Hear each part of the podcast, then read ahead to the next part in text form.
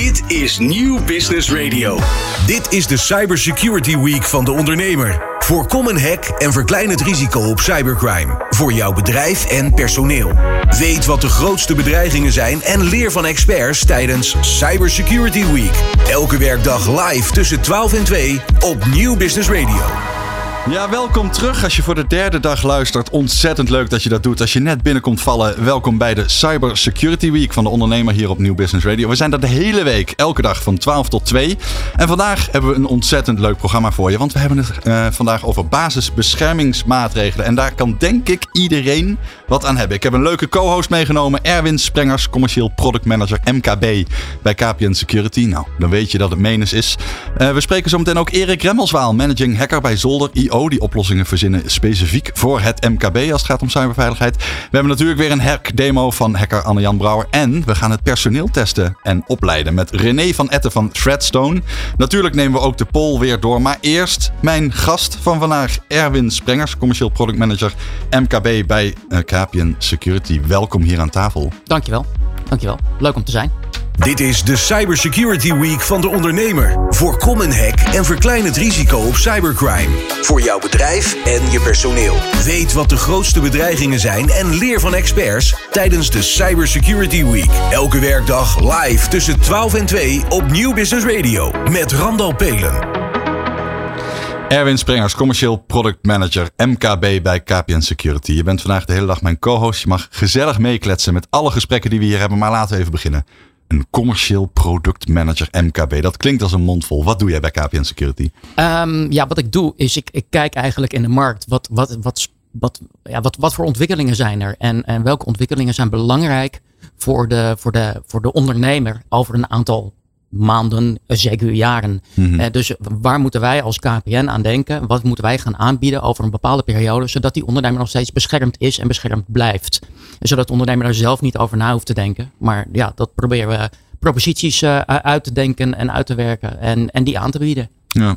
Wat mij heel erg opvalt is in jouw functietitel uh, pronken de letters MKB. Dat is ook de doelgroep van deze week. De Cybersecurity Week die bekommert zich heel erg om de middenkleinbedrijven. Maar is dit nieuw? Want ik heb in de rode draad tot nu toe gemerkt dat vooral grootzakelijk hier heel erg mee bezig is. En dat het MKB daar eigenlijk pas uh, ja, wat later uh, de tanden in heeft gezet. Ja, dat, dat klopt inderdaad. Uh, dat zien we ook in de markt. ik kom zelf uit de omgeving waar ik een tijdje geleden echt op de grote corporates gericht heb. En daar is de beveiliging, de basisbeveiliging, die neemt meer en meer toe. En het maakt het minder makkelijk voor, voor gelegenheidsaanvallers om, uh, om een grootzakelijke organisatie aan te vallen. Dus gaan ze nu automatisch op zoek naar makkelijke slachtoffers. En een makkelijke slachtoffer is in dit geval een MKB'er die zich minder goed beveiligd heeft. En we zien gewoon een verschuiving van, van, van het aantal bedreigingen en het aantal aanvallen van mhm. grootzakelijk naar de MKB'er. Ja. Kun je iets vertellen over KPN Security? Want als ik denk aan KPN, dan denk ik aan een uh, heel groot groen-blauw logo dat vooral mijn internetprovider kan zijn. Ja. Um, maar jij werkt voor KPN Security. Ja, KPN Security en dan specifiek het MKB-onderdeel. Um, ja, het is natuurlijk ooit begonnen als, als een, als een telecomprovider. En, uh, maar we gaan veel breder dan dat. En uh, we hebben heel veel expertise en kennis op het gebied van cybersecurity. Uh, zowel grootzakelijk, maar dus ook in het MKB-gebied. En onze uh, proposities die we aanbieden, uh, die maken wij standaard secure by design. Wij zorgen ervoor dat de ondernemer uh, standaard beveiligd is. En we leveren ook producten waarmee hij zich additioneel kan beveiligen. En ja, dat, dat security onderdeel, dat is iets waar, waar KPN al een hele tijd op speelt.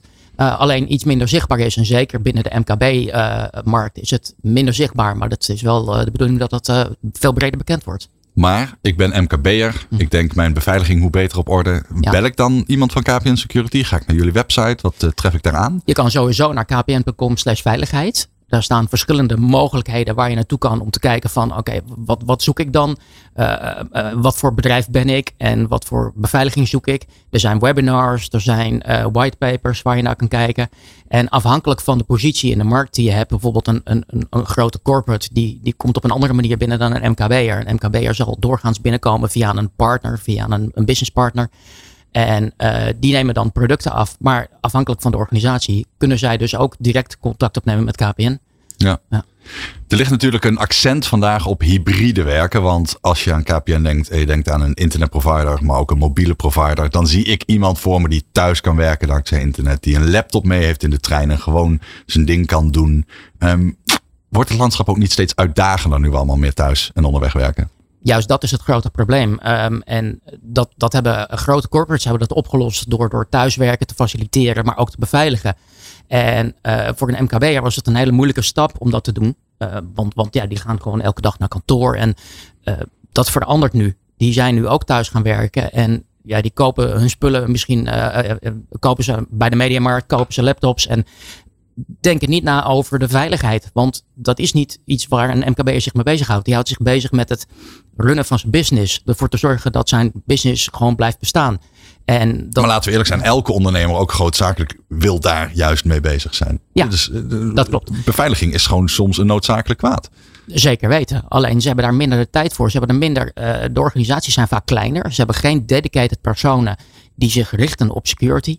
Uh, als je al iemand hebt, heeft hij daarnaast ook nog de rol van dat hij IT-beheerder is. Of hij uh, doet ook het kantoor beheren toners vervangen. Toners vervangen. Dat soort rollen die zijn, die zijn veel te uitgebreid. En die kunnen zich niet bezighouden met dit soort specialistische vraagstukken. En daar, daar zit dus ook het risico. En ja, vanuit KPN proberen we ook aan te geven van probeer het niet allemaal zelf te doen. Leg dat bij de mensen neer die, die, die daar een specialist in zijn, eh, die daar de kennis van hebben en die je erbij kunnen helpen. En je dus ontzorgen. En dus het, het, woord, ja, dat komt vaak voor, maar het woord ontzorgen is wel hetgene wat je moet doen. Je moet uh, de, de, de MKW'er moet het snappen en zeggen van oké, ik, ik snap dit product, ik weet het, wat het me oplevert en het helpt mij, het geeft mij rust. Ja.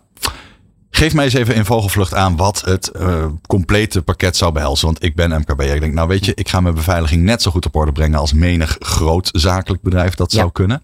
Um, ik moet alles hebben. Alle toetsen en bellen. Budget is onbeperkt. Let's go. Wat gaan we dan allemaal uh, beveiligen? Um, ik zeg altijd eerst, probeer niet meteen 100% te halen. Um, maar het belangrijkste is, zorg dat je weet wat van jou is.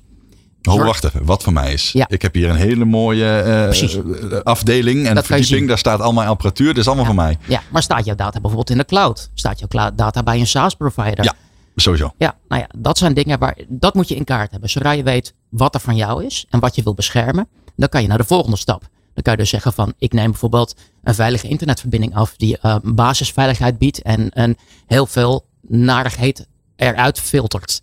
Uh, de internetprovider, sorry? Uh, nou, internetverbinding. Ja, dus, sorry, ja. ja, ja. ja. wij hebben bijvoorbeeld vanuit KPN hebben we extra veilig internet, waarbij er een, een, een, filter zit op je internetverbinding en die haalt een heel groot deel van de, van de narigheid eruit. Dus websites, oh, ja? malafide websites, hij filtert op, op, op, op, op Um, uh, als er bijvoorbeeld fouten binnenkomen, dus, dus mensen klikken op links, mm -hmm. daar, daar controleert hij op. En dat kan je virusscanner in de pijplijn al. In de pijplijn, ja, ja klopt. Okay. En daarnaast kan je gewoon je devices kan je beschermen. Dus je kan endpoint security installeren. Uh, je kan ook je cloud instances kan je beveiligen. er zijn diverse producten en diensten die je aan kan bieden. e-mail security kan je aanleveren. Dus eigenlijk zijn er al dat soort losse producten die je los kan afnemen. En die vormen één geheel en alles bij elkaar. Dan kan je naar 100% gaan. Mm -hmm. En uiteindelijk kan je bijvoorbeeld ook uh, 24/7 monitoring inrichten. Mm -hmm. Waarbij jouw complete omgeving gemonitord wordt. En je s'avonds dus om vijf uur je deur dicht kan trekken. Naar huis kan gaan. En uh, er wordt naar jouw omgeving gekeken. En er wordt op geacteerd. Ja.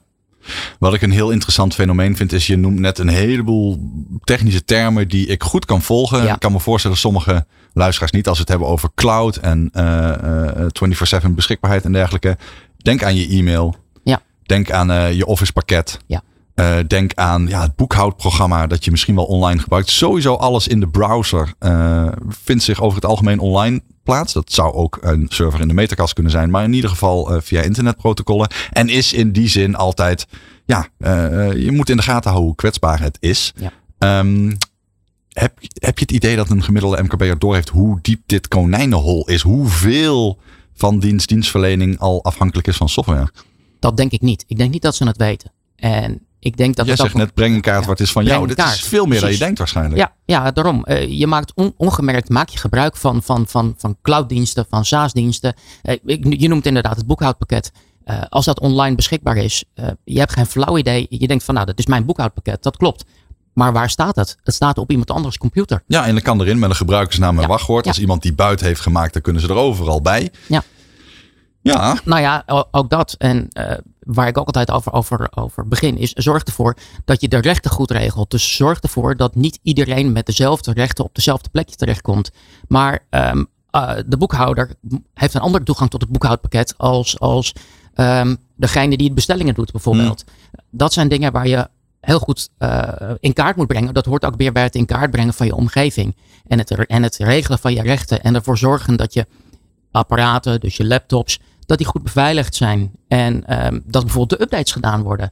Zelfs dat zijn al dingen waar je, waar je heel goed over na moet denken. En waar de meeste mensen niet over nadenken. Ja, doen van updates, dat is ingewikkeld. Want ik, doe, eh, ja, ik, ik ben nu, wil nu even door en nu gaat mijn laptop down. Vind ik Ja. vervelend. ja. Doe die updates nou. Die zijn is ook vervelend, laten we Ja. even heel eerlijk zijn. Ja. ja, je wil gewoon lekker aan het ondernemen. Maar ehm, vandaag staat in het teken van basisbeschermingsmaatregelen. We gaan daar zo meteen ook nog eh, met Erik Remmelswaal van Zolrio over praten.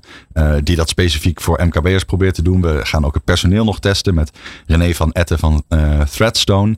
Alleen wat mij heel erg opvalt is de afgelopen dagen komen die goede wachtwoorden. Die dubbele factor authenticatie. eh, het doen van je updates. Ze komen zo vaak voorbij dat ik denk, ja, als je hier naar zit te luisteren. En je hebt maar vijf minuten radio meegekregen van de Cybersecurity Week. dan is dit wel wat je moet onthouden. Ja. Breng die drie dingen op orde en je bent al zoveel verder dan de rest. Klopt. Zeker mee. Vind je me dan te kort door de bocht? Nee, nee, maar ik denk dat je er gelijk in hebt. En eh, als, je, als je daarmee begint, dan kan je daarna risicogebaseerd gaan nadenken. Oké, wat moet ik nog meer regelen? Eh, Risico gebaseerd Ja, nadenken. ja, dus je gaat kijken van, eh, ik zeg ook altijd tegen, tegen bedrijven en ondernemers van, ehm, denk eens goed na wat, wat het je kost als je een dag niet kan werken. Dus als jouw bedrijf een dag niet kan draaien, reken dat eens uit. En wat zijn dan de dingen die je zou willen beveiligen? En hoe kan het dan dat ik een dag niet kan werken? Nou ja, eh, kijk maar naar bijvoorbeeld een, eh, als jij een, een, een, een- bedrijf hebt die alles via internet doet. Je hebt een Ja. webshop. Mhm. Jij kan een dag niet draaien. Eh, als ik bijvoorbeeld naar, naar bol.com ga om iets te bestellen en bol.com ligt down, dan ga ik naar Coolblue.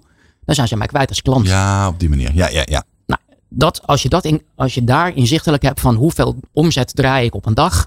En als ik die omzet nou niet heb, maar ik heb dan wel de kosten. Mhm. Nou, als je die afweging maakt, dan weet je dus ook wat je, wat je beveiligt en welk risico je loopt. En op basis van die risico's, van dat geld, kan je dus ook afwegingen maken welke maatregelen je nog meer wil nemen om je te beschermen tegen die bedreigingen. Ja, maar wat je eigenlijk ook zegt, vind ik wel mooi. Als ik zelfstandig ondernemer ben en ik eh, eh, ben gewoon freelancer en ik maak de inschatting, wat nou als ik een dag niet zou kunnen e-mailen? Maar misschien vind ik dat wel acceptabel. Ja. Dat, dat kan, dat klopt. Dan moet je inderdaad, eh, die afweging moet je maken. Want je moet namelijk niet alles proberen te regelen. Ehm, er zijn klanten die zeggen van, ik wil 100% beveiliging. En dan zeg je dat kost x. Ja, dan schrikken ze van een bedrag. Want het- zo, zo, dat kost gewoon geld. Mhm. En ja, die afweging moet je dus maken. Van welk risico ben ik, ben ik bereid te nemen? Ja. Kun jij misschien iets vertellen over eh, misvattingen die jij in het dagelijks leven tegenkomt? Jij komt bij klanten, je weet wat de MKB er ongeveer wil en welke producten KPN Security eh, in de toekomst Mhm. moet gaan ontwikkelen en onderhouden. Ja. Eh, welke misvatting kom je tegen? Ehm, de eerste misvatting is eh, bijvoorbeeld, eh, mijn data staat in de cloud, dus het is veilig. Kan ik nog wel volgen zelfs? Ja, Ja, kan Ja. ik nog wel volgen? ja. Maar dat, dat is dus doorgaans niet zo. Je kan spullen opslaan, maar er is geen backup. Oh nee? Nee, die Mijn cloud provider die zegt tegen mij dat dat prima in orde is. Ja, ja, nou ja, goed. Dat, dat moet je dan maar inderdaad. Heb je dat gecontroleerd? Weet je dat, dat die backup goed is?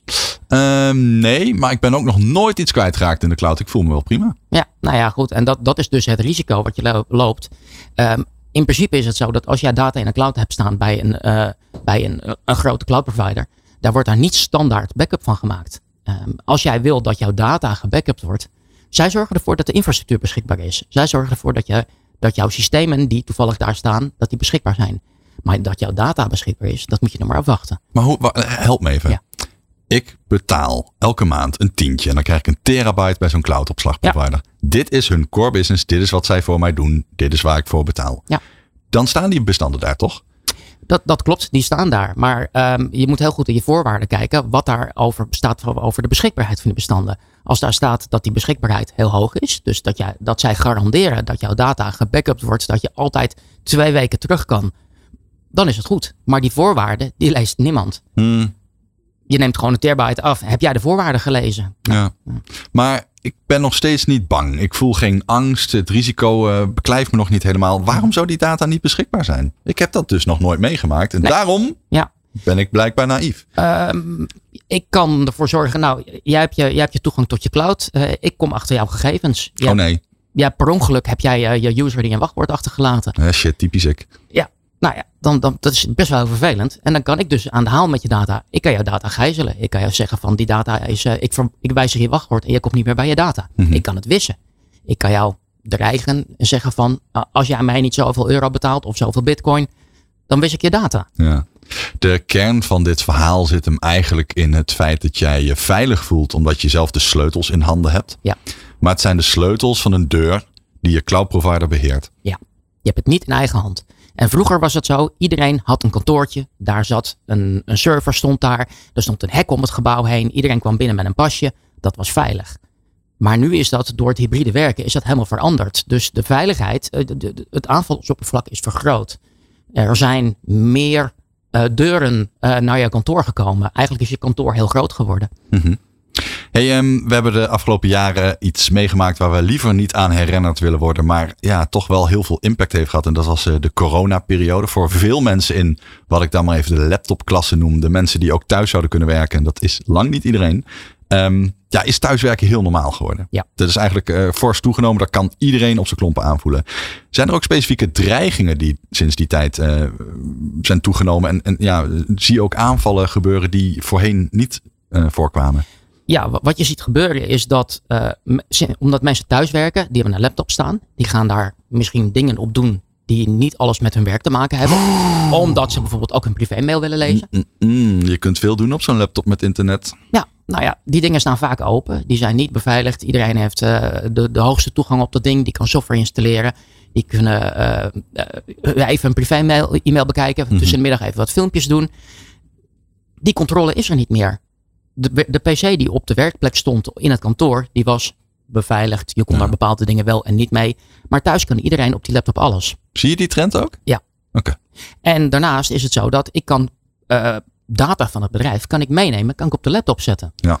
En dan is het dus uit, uit je veilige omgeving. Die data heb je op de laptop staan. Als die laptop wegraakt, dan is die data weg. Dan kan iemand met de data aan de haal. Maar ik kan bijvoorbeeld zelf ook, als ik kwaadwillig ben, die data lekken. Mm Ja. Nou, zo zie je maar weer de dreigingen nemen toe, maar ook de maatregelen die je kunt nemen worden steeds meer legio. En uh, ik denk dat het tijd is voor het Fabelfeest. Dit is de Cybersecurity Week van de ondernemer. Elke werkdag tussen 12 en 2. Voorkom het risico op cybercrime voor jouw bedrijf en personeel. Weet wat de grootste bedreigingen zijn en leer van experts tijdens Cybersecurity Week. Yes, we hebben een hele leuke dag voor jullie in petto. Ik heb net al zitten praten met Erwin Sprengers. Hij is commercieel product manager MKB bij KPN Security. Ik ga zo meteen nog praten met Erik Remmelswaal, managing uh, Hector, hacker. Managing hacker zegt hij zelf. Dat vind ik een mooie titel bij Zolder.io. Maar eerst het Fabelfeest. We hebben elke dag een fabel en die gaan wij uh, genadeloos ontkrachten. En deze keer, ja, je voelt het al op je klomp aan. Ik ga iets zeggen dat niet waar is. Een VPN maakt me volledig anoniem en veilig online. Nee. Ik geloof ik, ik, ik denk dat heel veel mensen dit denken. Ja, dat denk ik ook. Want zo wordt het ook verkocht in de media. Ik bedoel, je, kan, uh, je ziet er reclames voorbij komen en uh, je kan veilig en anoniem surfen en uh, niemand valt je aan. dat, dat is dan natuurlijk maar beperkt waar. Een VPN is een veilige verbinding tussen twee punten. dus vanaf je laptop naar de locatie waar die VPN stopt.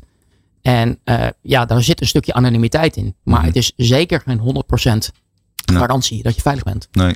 Ik zie op uh, internet soms reclames voorbij komen voor VPN-diensten. Nou, als je dan gaat kijken hoeveel jaar gratis je krijgt en wat dat dan kost per maand, dan denk ik, nou, je moet een goed verdienmodel achter zitten. Want anders kunnen ze al die reclames misschien niet betalen. Maar wat mij altijd beklijft, is dat ze uh, aan de ene kant vertellen, je kunt dus uh, websites bezoeken alsof je in een ander land bent. denk ik, oké, dat is een, functie, die heb ik standaard niet. Uh, je kunt misschien films en series kijken uh, die je thuis niet beschikbaar hebt. Ook logisch. Maar op het moment dat ze over die veiligheid beginnen, raak ik altijd een beetje de kluts kwijt. Want dat zou impliceren dat mijn huidige internetprovider dus niet veilig is. Ja, dat, dat inderdaad. Nou, je, je huidige internetprovider die biedt connectiviteit naar het internet. En um, die veiligheid hangt af van jezelf wat jij doet. Want uh, ja, als, als ik iedere keer braaf aan het browsen ben en ik doe alleen maar de brave dingen, dan is er helemaal niks aan de hand. Maar zodra ik zelf het initiatief neem om uh, sites te bezoeken of om bestanden te downloaden of om weet ik veel wat te doen, dan is het mijn eigen risico. Dus die internetprovider, die is in principe, uh, die levert jou de toegang tot het internet en die heeft een basisveiligheid. Uh, waarin ze zien van oké, okay, wacht even, bij deze persoon gaat het niet helemaal goed. Dan kunnen mm -hmm. ze zien van hij is onderdeel van een botnet geworden of wat dan ook. Maar ja, je hebt het zelf in eigen hand. Ja. Wat ik ook interessant vind is als je even een stapje naar de techniek maakt. VPN staat voor Virtual Private Network. En dat wil eigenlijk zeggen het is een virtueel netwerk. Je internetprovider is gewoon die kabel. Die komt daar in je meterkast binnen. Die gaat rechtstreeks naar je internetprovider. Daar komt nou, heel erg mooie James Bond scenario's daar gelaten. Niemand tussen.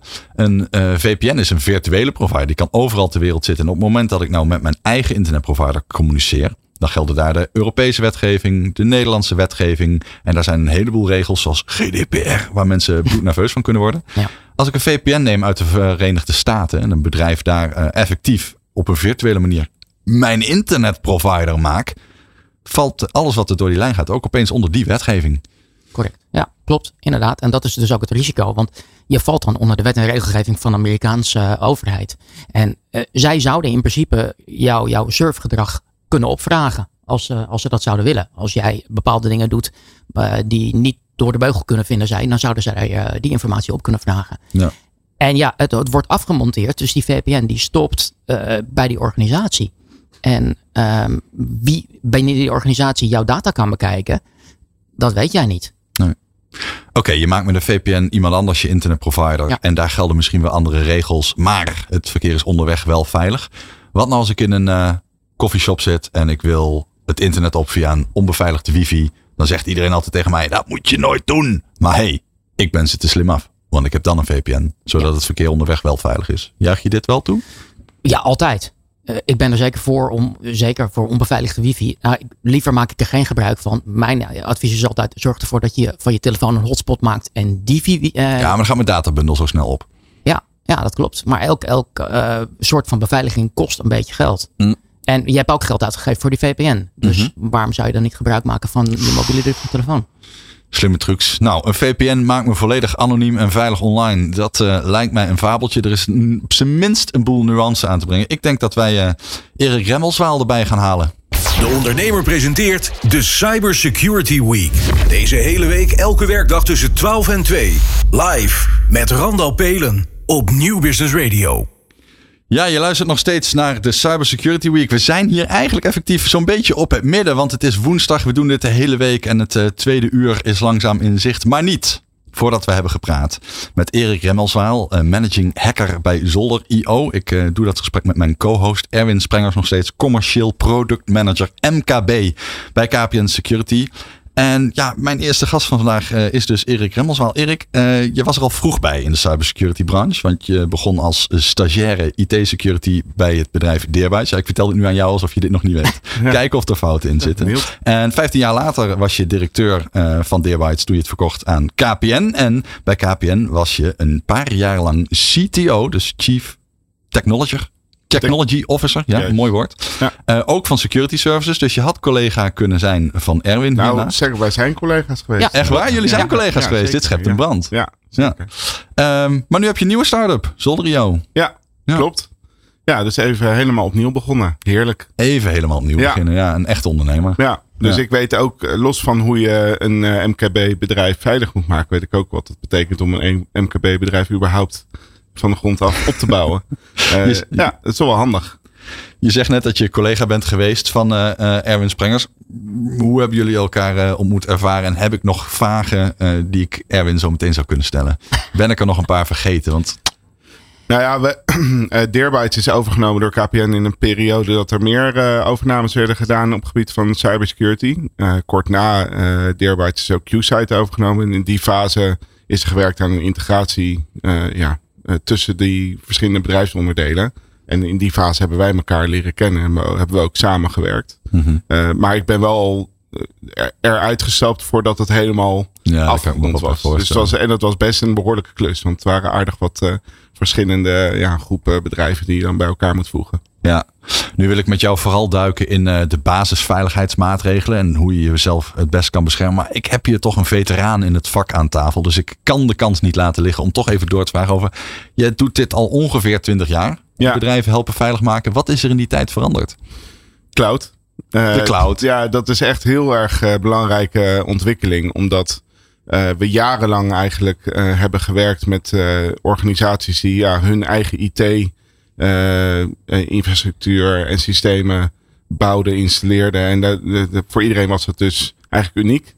En daar moest je dan als beveiligingsspecialist uh, eigenlijk ja, diensten opleveren. En dat was dus eigenlijk per definitie maatwerk. Ja, dat kan ik me voorstellen. Nu, nu hebben we zoveel organisaties die allemaal van hetzelfde Microsoft abonnement of hetzelfde Google abonnement gebruik maken. Waar heel veel uh, beveiligingsfuncties al in aanwezig zijn.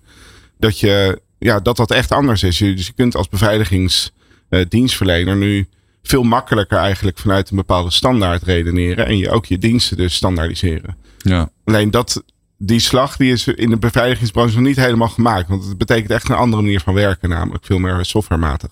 Nog niet helemaal? Nee, nee. Of helemaal niet? Um, nee, nog niet helemaal. Nog niet helemaal. Um, kun je iets vertellen over Zolder.io, hoe jullie dit varkentje proberen wassen? Ja, wij, uh, ja, bedrijf is echt, echt opgericht door uh, ja, ethisch hackers. Dus wij hebben ja, geprobeerd om vooral echt heel kernachtig bezig te zijn met het vinden van ja, plekken waar uh, organisaties kwetsbaar zijn om gehackt te worden. En dat, ze helpen dat ook op te lossen. Nou, in, voor de grootzakelijke markt, zoals Erwin dat, dat typeerde, doe je dat eigenlijk noem je dat pentesting. Dus dan ga je echt zeg maar in opdracht van een bedrijf ze hacken eigenlijk. En, uh, en dat is niet het testen van je pen, maar penetration. nee, testing, penetration testing. Kun je penetreren bij klopt, ja, klopt. En uh, nee, dus dat doen we zeg maar uh, ja, vooral om ja, een soort van business voor onszelf te genereren. En de inkomsten die we daarmee binnenhalen, die gebruiken we, die herinvesteren eigenlijk in het bouwen van een platform waar we het MKB eigenlijk veilig mee houden. Want die zijn over het algemeen niet ja, groot genoeg om zichzelf een uh, duur pentest traject te veroorloven. Dus die moeten we eigenlijk op een andere manier zien te helpen. Dus je werkt ook wel degelijk voor grootzakelijk? Ja, ja, ja. klopt. Oké. Okay. Um, ehm, gestel nou eventjes dat uh, MKB er een wens mocht doen. Die had wel alle budgetten. Uh, die zou dus eigenlijk allemaal een pentest moeten doen. Stuk voor stuk maatwerk. En dan zijn er opeens heel veel van die security bedrijfjes, stel ik me zo voor. Ja, nou ja, de, het is echt een groot gebrek aan mensen hoor, die dat, die dat zouden kunnen doen. Dus dat is helemaal niet een haalbaar, uh, een haalbaar model. Dus het probleem zit hem niet zozeer bij het gebrek aan budget. Uh, of uh, aan de vraagkant, maar meer eigenlijk aan de aanbodkant, denk ik. Dus dat, dat gaat niet helemaal werken. En is het niet ook een beetje zo dat die mensen die dit zouden kunnen, stiekem zelf ook aan de stoute kant van het spectrum zouden kunnen gaan zitten? Ja, die kans is altijd aanwezig. Soms eh, dan bereiken er wel eens ook berichten de media van mensen die, die eigenlijk aan de goede kant uh, functioneren, maar toch iets stouts hebben gedaan. Ja, ja, dat gebeurt. En het wereldje is zo klein dat je die personen soms ook wel persoonlijk kent, kan ik me zo voorstellen. Ja, klopt. Heftig. Ik ga geen namen noemen. Nee, tuurlijk niet. ik zou dat ook zeker niet doen. Maar ik ben wel benieuwd uh, naar jullie dienst uh, Ethic. Want ja. je hebt uh, op je site staan dat er een app is die me kan helpen veilig houden. Ja. En ik heb dus persoonlijk moeite om me voor te stellen hoe een app mij veilig gaat houden. Ja, ja het, zeker op de website ook is heel duidelijk dat we ons daarmee proberen ja, te richten op het MKB. maar ook in het gesprek van zojuist het is al heel erg belangrijk dat je ook uh, inziet dat in het MKB natuurlijk een gigantisch onderscheid is. Dus uh, een bedrijf van, laten we zeggen, ja, jij typeert bijvoorbeeld als de bakker. Ja. Dus laten we zeggen een bedrijf met uh, 1 tot vijf of tien medewerkers. Zoiets, ja. Versus ja, de bovenkant van het MKB, waar we het over uh, 250 medewerkers hebben. Dus een gigantisch verschil mm -hmm. in hoe zo'n organisatie zelf met uh, beveiliging bezig kan ja, zijn. En Erwin, ja. Uh, ja, Erwin, jij typeerde dat als dat één persoon verantwoordelijk is voor zowel de printer als het koffiezetapparaat, als de beveiliging van het hele IT-systeem. Ja, klopt. Dat kom je tegen, ja. Kijk, en wij, uh, met name die app, die hebben we eigenlijk vooral voor de voor dat, uh, die eerste doelgroep gemaakt. Dus echt de hele kleine bedrijven die uh, ja, niet een, uh, niet een IT-specialist zelf in dienst hebben. Zich ook niet kunnen veroorloven dat ze daar enorme externe diensten voor inhuren. Maar toch wel ook een e-mailserver of een e-maildienst gebruiken. Of een bestelling via een website aannemen en dat soort dingen. Dus er is altijd toch iets van IT aanwezig. Mm -hmm. En waar dus ook beveiliging voor nodig is. En we proberen dus daar de app eigenlijk te, te bieden als een als echt een hulpmiddel die gewoon de onderneming veilig houdt. Nou, die app die, die verbindt aan de achterkant in onze systemen met uh, de Microsoft-omgeving die zij zelf gebruiken voor het e-mailen en Teams en dat soort uh, ja, dus gericht op MKB-tenten die aan de kleine kant zijn, maar wel Microsoft-oplossingen gebruiken. Ja, ja. En, um, en de app die is eigenlijk vooral de interface. Dus op het moment dat wij zien dat er iets aan de hand is met die omgeving, dat er iets onveilig is ingesteld, of dat er een verdachte handeling wordt uitgevoerd, dan is de app er om heel snel de persoon die we moeten bereiken binnen een onderneming dan ook te bereiken en ze ook handelingsperspectief te geven. Dus we zeggen dan van hey, we zien een foute instelling, we adviseren om dat zo te zetten. En hoeven ze eigenlijk in de app alleen maar op een knop te drukken en dan mm. is het ook gelijk geregeld. Ja, tof. Kun je een uh, voorbeeld geven van zo'n instelling? Nou ja, de belangrijkste die, uh, die in deze week denk ik besproken wordt is het MFA. Dus uh, twee-factor authenticatie of meervoudige inloggen of ik weet niet hoe dat allemaal in het Nederlands... Ja, ik noem het vaak 2FA of multifactor. Het is eigenlijk geen sexy woord vind ik. In ieder geval niet Nederlands. Nee, nee. Klopt. Een tweede factor. Ja, dus wij, wij hebben daar ook mee geworsteld. voor hoe, hoe noemen we dit nou? Maar ja, het wordt een zescijferige wel... code die ik via sms of een app te ja. horen krijg. Ja, ja, ja goed. We Vaak. hebben het in ieder geval...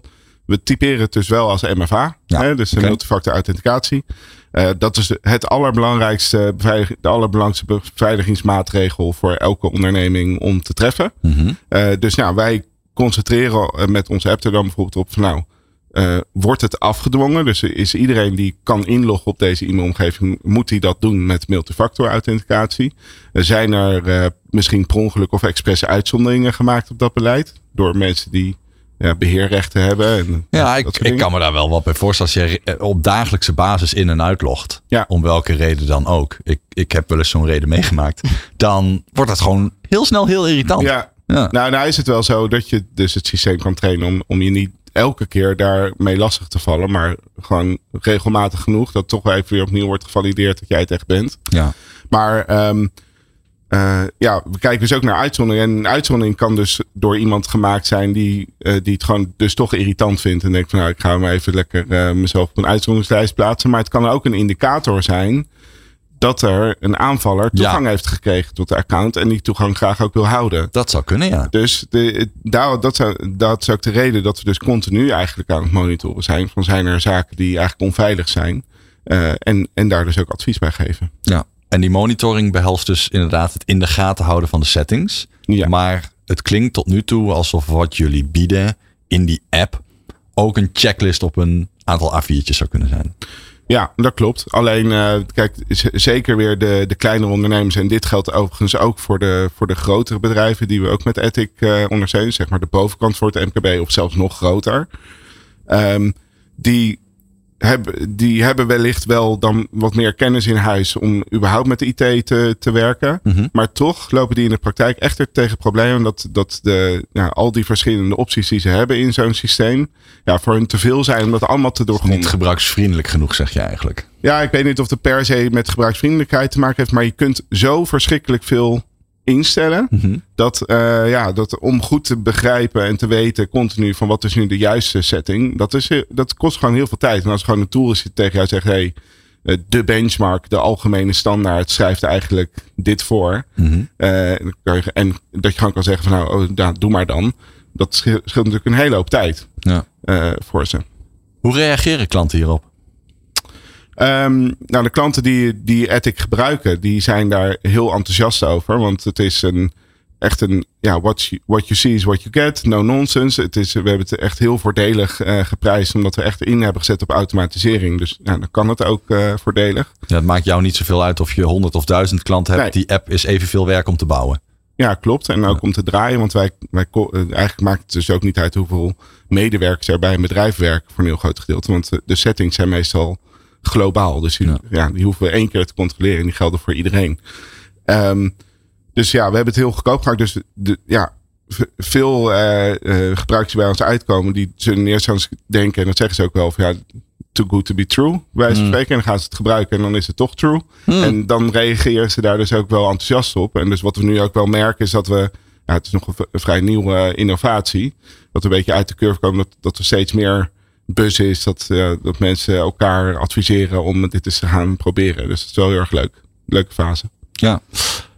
Erwin Sprengers, had jij hier wel eens van gehoord? Jazeker. Ja, ik, ik volg uh, het bedrijf op de voet uh, op, op alle social media accounts uh, die je maar kunt bedenken. Dus ja, dat, dat, dat ken ik zeker. En ik ken de mensen die Erik samen met Old heeft. Ja, die ken ik ook. Die komen ook uit dezelfde organisatie. Dus dat vind ik gewoon heel interessant om te volgen. maar Erik, ik heb wel een vraag. Van, van, ja. Jij geeft aan van, van we gebruiken een, een, ja, een best practice. Is dat dan per organisatie verschillend? Of is dat gewoon over voor elke ondernemer hetzelfde?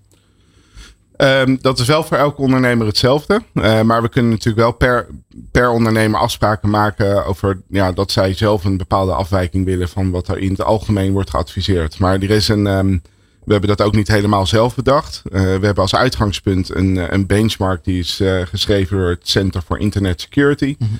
Dat is een ja, vrij betrouwbare organisatie die dit soort benchmarks schrijft. En dus ja. ook voor, voor Microsoft in dit geval. En zij hebben gewoon een hele lijst van, van zaken die, uh, die ze adviseren om in te stellen. En ja, wij kunnen dat daardoor op controleren. Maar we gaan ook wel verder dan dat. Want wij zijn, zoals je weet, ja, zelf continu bezig met, met uh, ja, wat, vinden wij zelf uit over hoe uh, een omgeving gehackt kan worden en wat vinden anderen uit. Dus als daar iets over gepubliceerd wordt op uh, social media of op conferenties, dan maken we daar ook weer nieuwe checks voor. Dus we gaan ook wel voorbij aan alleen maar hetgeen wat er in uh, richtlijnen staat. Ja, precies. Je gaat ook echt het, het, het, stukje pentesting neem je ook mee. Dus als je denkt van er is een nieuwe, nieuwe, ja. nieuwe uh, uh, case waarbij je misbruik kan maken van een bepaalde situatie, dat ga je toetsen en dat stop je in je app. Ja, klopt. Ja, Wacht denk... even, jij noemt hacken nu net misbruik maken van een wat voor situatie? Ja, een bepaalde situatie. Van een bepaalde situatie. Dit is toch eigenlijk, wauw, misbruik maken van een bepaalde situatie. Dit is wat hacken is. Ja, ja. ja klopt.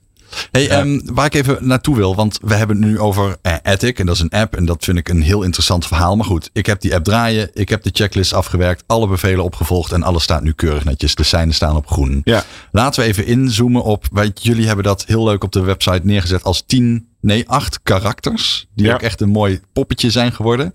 Die elk ja, symbool staan voor een bepaald stukje basisveiligheid. Of eigenlijk een kwetsbaarheid die je zou willen uh, voorkomen. Nu heb ik met Erwin uh, vooraf al zitten praten over basishygiëne. Daar kwam eigenlijk ongeveer hetzelfde lijstje uit. Ja. Zullen we die samen eens doornemen? Want de eerste die we al noemden, dat uh, adviseerde Erwin in ieder geval. Inventariseer je kwetsbaarheden. Denk na over wat er gebeurt als je er een dag even helemaal uit ligt. Ja. Um, hoe pak je dit aan? Een MKB'er zit nu te luisteren naar de Cybersecurity Week. Die hoort jullie praten. Die denkt, ja, laat ik even mijn uh, kwetsbaarheden inventariseren. Ik weet niet waar ik moet beginnen. Nee.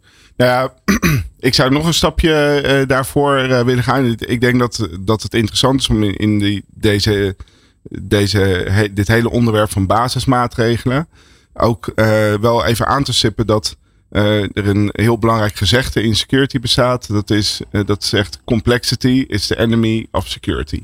Oftewel, als je dingen heel erg complex maakt, dan is het daarna ook moeilijker om het veilig te maken. Dus Oh, als je nou een MKB'er bent en je wilt gewoon veilig kunnen werken, dan heb je er baat bij dat je zoveel mogelijk gebruik maakt van standaard diensten. Die ook gewoon goed werken. En dat je, uh, dat je niet per se uh, van alles zelf gaat inrichten. Dat maar kan wel. even. Als het Ja. de standaard dienst is die iedereen heeft. Mhm. Maar die ene dienst is lek. Ja. Dan is ook iedereen gelijk de sjaak. Ja, dat is het nadeel. Maar so- software, cannabis software, ze zal altijd kwetsbaar zijn. Dezelfde situatie is aan de hand. Neem gewoon een voorbeeld. Hè. Als, je, als je e-mail uh, wilt gebruiken. Jarenlang hebben organisaties zelf daarvoor een Microsoft Exchange server gedraaid. Ja. Nou, dat kan je nog steeds doen. Uh, maar je kunt dus ook nu tegenwoordig zeggen: van, Nou, ik neem dat gewoon als diensten af. En uh, ja, dat laatste, dat is denk ik voor de meeste MKB'ers toch echt gewoon een betere, Mhm. uh, een, een, een betere optie. Omdat het onderhouden van zo'n omgeving zelf, waar ook kwetsbaarheden in zitten, dat, dat gaat je gewoon veel meer tijd kosten. En dus bijna- geld. en geld. En het is Ja. bijna een onbegonnen zaak. Maar dat, dit geldt bij, bij e-mails dat er heel duidelijk van, maar het geldt eigenlijk over de hele breedte. Dus tip 1, hou het simpel. Ja, maar zorg, ja, ga je eens even heel goed nadenken. Van, heb ik al, al die verschillende toeltjes en dingetjes nou echt nodig? Of kan ik eigenlijk ook uit met een vereenvoudigde eh, opzet van, eh, van onze IT? Nou, en daar vervolgens van weten van ja, hoe, hoe kan dit dan misbruikt worden? Eh, en hoe moet ik dat veilig houden? Nou zijn kwetsbaarheden kunnen dus, kunnen dus zitten in software updates die je moet installeren. En totdat je dat doet, ja, kan dus een hacker dat misbruiken. Dat gebeurt ook op grote schaal. En dat Je kan dan misbruik maken van een bepaalde situatie. ja, precies. Uh, maar dat gebeurt vooral voor systemen die dus ook rechtstreeks benaderbaar zijn vanaf het internet. Dus als jij een printer hebt in jouw netwerk met, die niet up-to-date is. Maar hij zit alleen in mijn netwerk. Ja, dan, dan valt het nogal mee. Is het nog steeds heel erg handig dat je die update. Maar je prioriteit ligt bij de systemen die vanaf, vanaf het internet benaderbaar zijn. Dat snap dus ik. E-mail, website, weet je. Dus dat moet up-to-date zijn. Systemen waarmee je zelf naar het internet toe gaat. Je laptop, je mobiele telefoon, je, weet je, dat soort. En die soms moeten- mijn magnetron tegenwoordig. Ja, oké, maar Wasmachines Koelkast. ook. die moeten up-to-date zijn. Weet je wel? Het installeer ook op je smartphone. Installeer altijd die update die, eh, zodra die er is. Installeer hem direct. Want Ja, bij mij thuis zorgt dat dus voor ruzie. Ja. Want eh, dan is iOS 17 uit. En dan ga ik naar het nachtkastje van mijn aanstaande. En dan type die type. Zet Ja. ik die update aan. Binnen vijf minuten hoor ik vanuit de douche. Ja, lieverd, waarom is dat ding nou aan het updaten? Ik moet een berichtje sturen. Ja. ja Ja. Maar toch doen. ik ga gewoon door. Dank voor de tip. Maar goed, dus dat zijn zijn de software kwetsbaarheden. Maar je hebt dus ook configuratie kwetsbaarheden. Dus het kan ook zijn dat als jij gewoon een dienst gaat gebruiken. Hè, je, je, je logt gewoon in en je gaat ermee aan de slag. Dat de standaard manier waarop eh, de instellingen in, staan. Op het moment dat je dat gebruikt. Dat daar, dat daar eigenlijk ook wel zwakheden door ontstaan. En dat is precies waar dus Ethic in zit. Van, ja, dat gaan we allemaal nalopen om te zien van zijn er dingen beter te maken. Waardoor je bijvoorbeeld ook MFA eh, gaat afdwingen voor alle gebruikers. Ja, want Erwin, jij zei tegen mij dat je vooral ook zaken uit moet zetten die je helemaal niet gebruikt. Ja, er staan genoeg dingen op, op, op, eh, op servers of op, op, op instellingen op je laptop die je niet gebruikt. Ja, als je ze niet gebruikt, waarom zou je ze dan aan laten staan? Wat voor dingen denk je dan? Eh, nou, als ik aan servers denk, eh, er zijn een aantal eh, protocollen bijvoorbeeld die je op servers uit wil zetten. Bepaalde vormen van toegang. Je wil directe toegang tot je server wil je uitzetten. Die wil je alleen maar vanaf een bepaalde plek toestaan. Je wil bijvoorbeeld ook geen toegang vanuit landen waar je zelf niet zit. tot, jouw, tot jouw cloud storage. Je, je, je wil ervoor zorgen dat het allemaal veilig is. En dat soort zaken moet je over nadenken. En dat, dat probleem, dat nadenken over de risico's, dat is, het, dat is het grote probleem. En dat is ook waar Ethic op inspringt. Van, je- en en ja, je hoeft niet na te denken over dat soort, eh, dat soort problemen. Je bent, je bent het eigenlijk voor. En ja, ja, uitzetten is dus inderdaad eh, dus een probleem. Er zijn zoveel dingen, wat, wat Erik net aangaf, er zijn zoveel dingen die als standaard aanstaan als je iets uit de doos haalt. En eh, ja, je start hem op en je gaat aan de slag. Maar dat risico moet je juist zien te voorkomen. En ga eerst zorgen voor dat het dicht staat. Gewoon opnieuw installeren, die laptop. en dan niks erop. Precies. En dan geen next, next, next, next, next klikken. Ja, maar ik denk bijvoorbeeld ook aan eh, bescherming tegen malware. Ik kan gewoon een virusscan draaien. Nou, dan zit ik ook wel goed, toch? Nou, het is eigenlijk al, eh, al wel een poosje zo dat gewoon een, een simpele antivirus software is belangrijk om te hebben. Maar ga- gaat je gaat niet de laatste versies van eh, malware eh, tegen kunnen houden. Omdat die, ja, er worden elke keer nieuwe versies gemaakt en die antivirus moet die eerst scannen. Als ik geen antivirus draai, dan haal ik helemaal niks tegen. Nee, klopt. Dus Ja. je moet het zeker installeren. Maar het is niet, je hebt, ja, noemen ze, voor MKB zijn, is dit te ingewikkeld. Hè? Maar je hebt, eh, je hebt wat ze noemen in de industrie defense in depth. Dus dat wil zeggen, je hebt eigenlijk meerdere lagen van beveiliging nodig om goed tegen dit soort bedreigingen beschermd te zijn.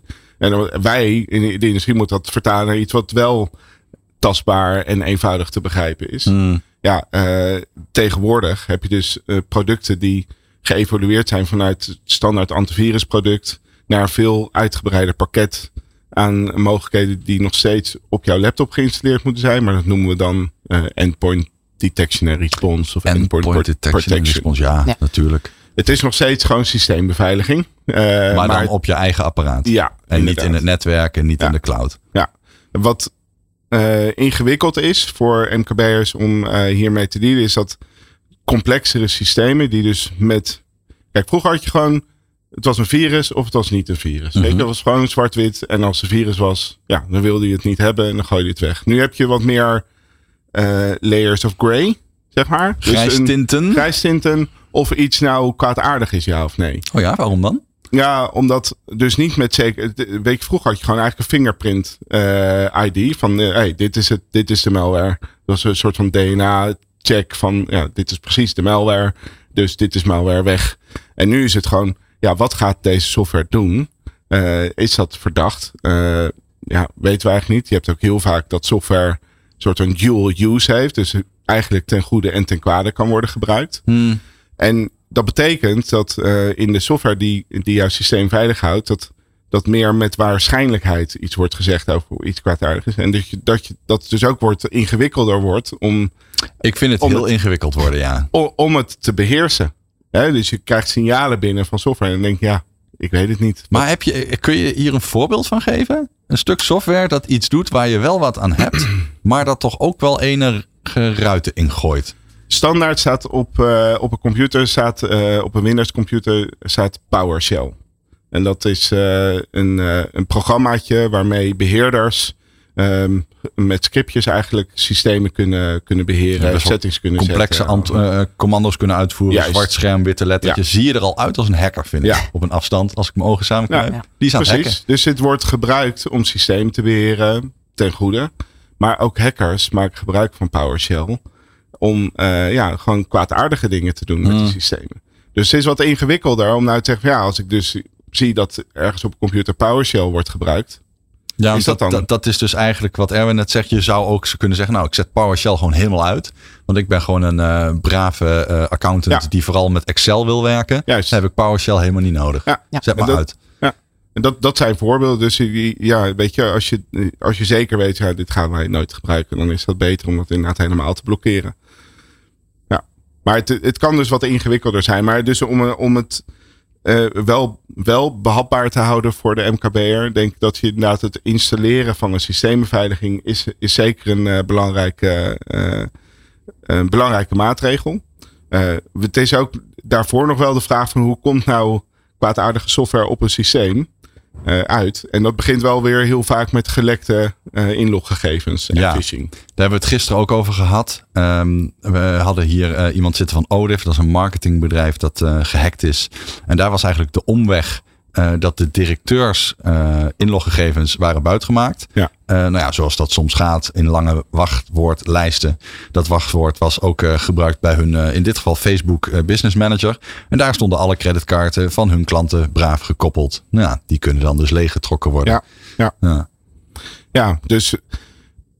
en dan is nog wel, wij hebben ook wel eens met partijen gesproken die dus slachtoffer waren geworden, zoals dit voorbeeld ook. En wat je merkt is dat, dat als een, uh, een, uh, ja, een directeur dus uh, dit moet gaan begrijpen van wat is hier nu gebeurd. Dat ze gewoon de aanname hebben dat dat dan met een virus moet zijn gebeurd of zo. Hè? Of dat, dat er ergens een computer geïnfecteerd moet zijn geweest. Weet je wat dat mogelijk heeft gemaakt. En het is heel belangrijk om in te zien dat het, dat hoeft helemaal niet meer. Want dit zijn gewoon online diensten waar je gewoon op kan inloggen. Weet je, als ik jouw gebruiksnaam of wachtwoord heb, heb ik helemaal niet, geen nul toegang nodig tot jouw systeem. Je kan, jij mag zelfs in bed liggen, je hele netwerk mag uitstaan. Maar Facebook staat aan. Daar kan ik op inloggen. Weet je wel? Jouw e-mailbox bij Microsoft is gewoon toegankelijk. Ik kan gewoon gaan doen wat ik wil. Maakt niet uit waar ik zit. En, en dat, dat besef van, oh ja, uh, weet je, alles staat nu continu aan. Is continu toegankelijk met alleen maar gebruikzame wachtwoord dat is echt wat we nodig hebben. Want dat, dan triggert het mensen om inderdaad te denken, oh ja, misschien is toch die irritante MFA, mhm. is misschien toch niet zo gek. Om toch maar te accepteren. Ik heb nog wel een andere invalshoek en misschien is het in deze gelegenheid ook fair om die vraag aan een KPN'er te stellen. Dus Erwin, maak je borst maar nat. Hoe ga je om met de beveiliging van mobiele devices? Ik denk aan smartphones. Ja, nou, smartphones, er zijn standaard oplossingen voor. Uh, Microsoft biedt standaard oplossingen, maar er zijn er uh, ook andere commerciële aanbieders. Waarbij je bijvoorbeeld kan beschermen dat uh, niet elke software op die, dat mobiele device geïnstalleerd kan worden. En um, dan heb je het vooral over zakelijke telefoons, toch? Want als ja. mijn werkgever op mijn telefoon wil zeggen dat ik geen TikTok mag gebruiken, ja. dan hebben we een klein onderrondje. Ja, dat klopt, inderdaad. En daar, daar zit dus ook het grote verschil. Voor grootzakelijk is dat denk ik wel goed doorgevoerd. Dat daar, uh, die hebben ook devices beschikbaar gesteld. Dus de mobiele telefoons beschikbaar gesteld aan het personeel. En die mogen daar dan ook over zeggen van, joh, deze software, je mag niks zelf installeren. Maar voor, voor, uh, voor de MKB'er, ja, die maakt vaak gebruik van uh, de mobiele apparaat wat iemand zelf heeft gekocht en zelf betaald. Ja, daar heb je best wel een, een, een probleem mee. En daar kan je dus bijvoorbeeld zeggen van, ik wil niet dat er zakelijk verkeer op plaatsvindt. Uh, maar ja, dan kan je hem niet bellen. Nee. Dus um, het is heel moeilijk. En er zijn, uh, er zijn het is inderdaad een afweging die je moet maken. Uh, of je beschermt hem wel, of je beschermt hem niet. Maar het is een overeenkomst die je moet sluiten met, met degene van wie die telefoon is. En uh, ja, als dat een privé device is, Uh, je hebt daar natuurlijk oplossingen voor van bring your own device. Maar ja, dat vereist automatisch ook dat je spullen moet installeren. En dan moet de persoon het weer mee eens zijn. Dus je zit er wel met een spanningsveld. Ja. Zij bij die mobiele devices op zich is de dreiging kan ook gewoon meer in de fysieke sfeer liggen. Hè? Dus je raakt hem kwijt. Oh jee. Of je laat hem liggen. Oh, dat Ja, en wie, en wie, wie krijgt hem dan in handen? En wat kan hij dan vervolgens met alle data die ook van het bedrijf is, die op dat systeem aanwezig is? Helemaal niks, Erik Remmelswaal. Ik heb daar een hele mooie pincode op staan. En eh, gezichtsdetectie. Zonder mijn gezicht kom je er niet Nee, in. nee, dat is heel goed. Maar weet, weet jouw werkgever zeker dat je dat inderdaad hebt geactiveerd? Dat zijn ook wel dat soort settings die je dan die je wel kan afdwingen. Die dus minder inderdaad eh, gaan om politieagentjes spelen van "Ma- wat mag jij ja of nee. Maar oké, jij wil zakelijke data op die telefoon, dat is oké. maar dan weten we wel zeker dat die dan ook veilig gebruikt wordt. En dan zijn we ook in staat dat als, jij als jij aangeeft bij je werkgever van goh, eh, ik heb een nieuwe telefoon. Dat ze ook de gelegenheid hebben om op die oude telefoon te zorgen dat alle zakelijke data even gewiped eh, wordt. Je, dat soort Altijd leuk. handige instellingen. Erik, zou je iets kunnen vertellen over. ehm, nee, je, je noemde een mooi woord. Je zei daar straks namelijk iets over handelsperspectief. Dus je wil gebruikers laten zien wat er allemaal eh, aan de hand is, maar daarna ook handelperspectief eh, bieden. Ik kan me voorstellen dat er eh, MKB'ers zitten te luisteren naar de Cybersecurity Week en die zeggen: Ik wil ook handelingsperspectief. Wat moet ik allemaal doen? Nou, we hebben al een poedelboel tips gegeven.